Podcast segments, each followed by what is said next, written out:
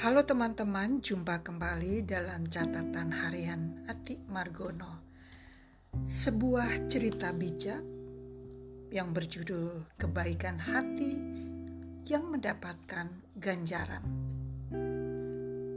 Seperti ribuan remaja lainnya, Margaret sedang berusaha mendapatkan suatu pekerjaan. Dia membaca tentang adanya lowongan pekerjaan di sebuah perusahaan dan dia merencanakan untuk pergi ke sana. Hari itu angin keras dan salju turun dengan deras. Di dalam bis, Margaret melihat ada beberapa gadis yang lebih cantik dan berpakaian lebih baik dari dirinya. Mereka turun dari bis di tempat yang sama. Rupanya, mereka juga ingin melamar kerja di perusahaan itu.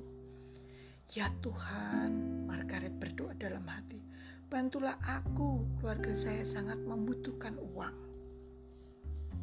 Tepat pada saat itu, seorang wanita setengah umur turun dari bis dan tergelincir jatuh di salju.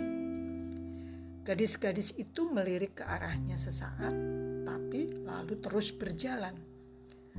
Wanita itu kelihatan pusing topi, kacamata, dan tasnya tergeletak di kakinya.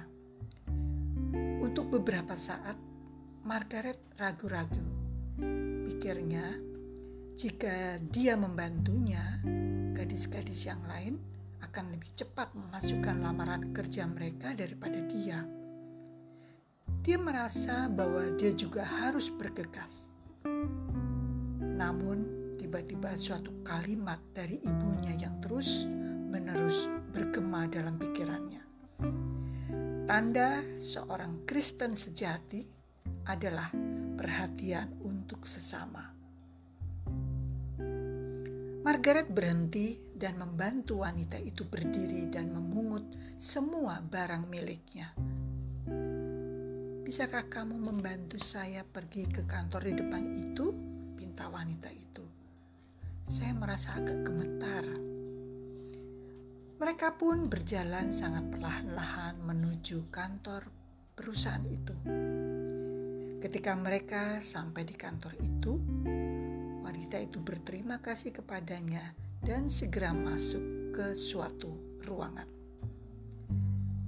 Beberapa saat kemudian, tiba juga giliran Margaret untuk masuk ke ruang wawancara bagi para pelamar kerja.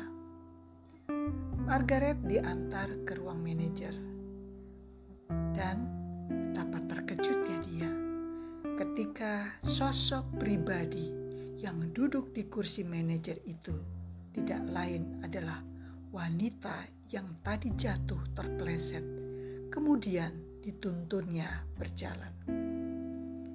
Wanita itu tersenyum dan berkata kepadanya, saya telah menunggumu. Lowongan yang ada adalah pekerjaan sebagai resepsionis. Seorang gadis cerdas yang penuh perhatian seperti kamu memenuhi syarat untuk pekerjaan itu. Sebutir air mata menetes di pipi Margaret. Ia diterima bekerja di kantor perusahaan itu. Itulah kebaikan hati yang mendapat ganjaran.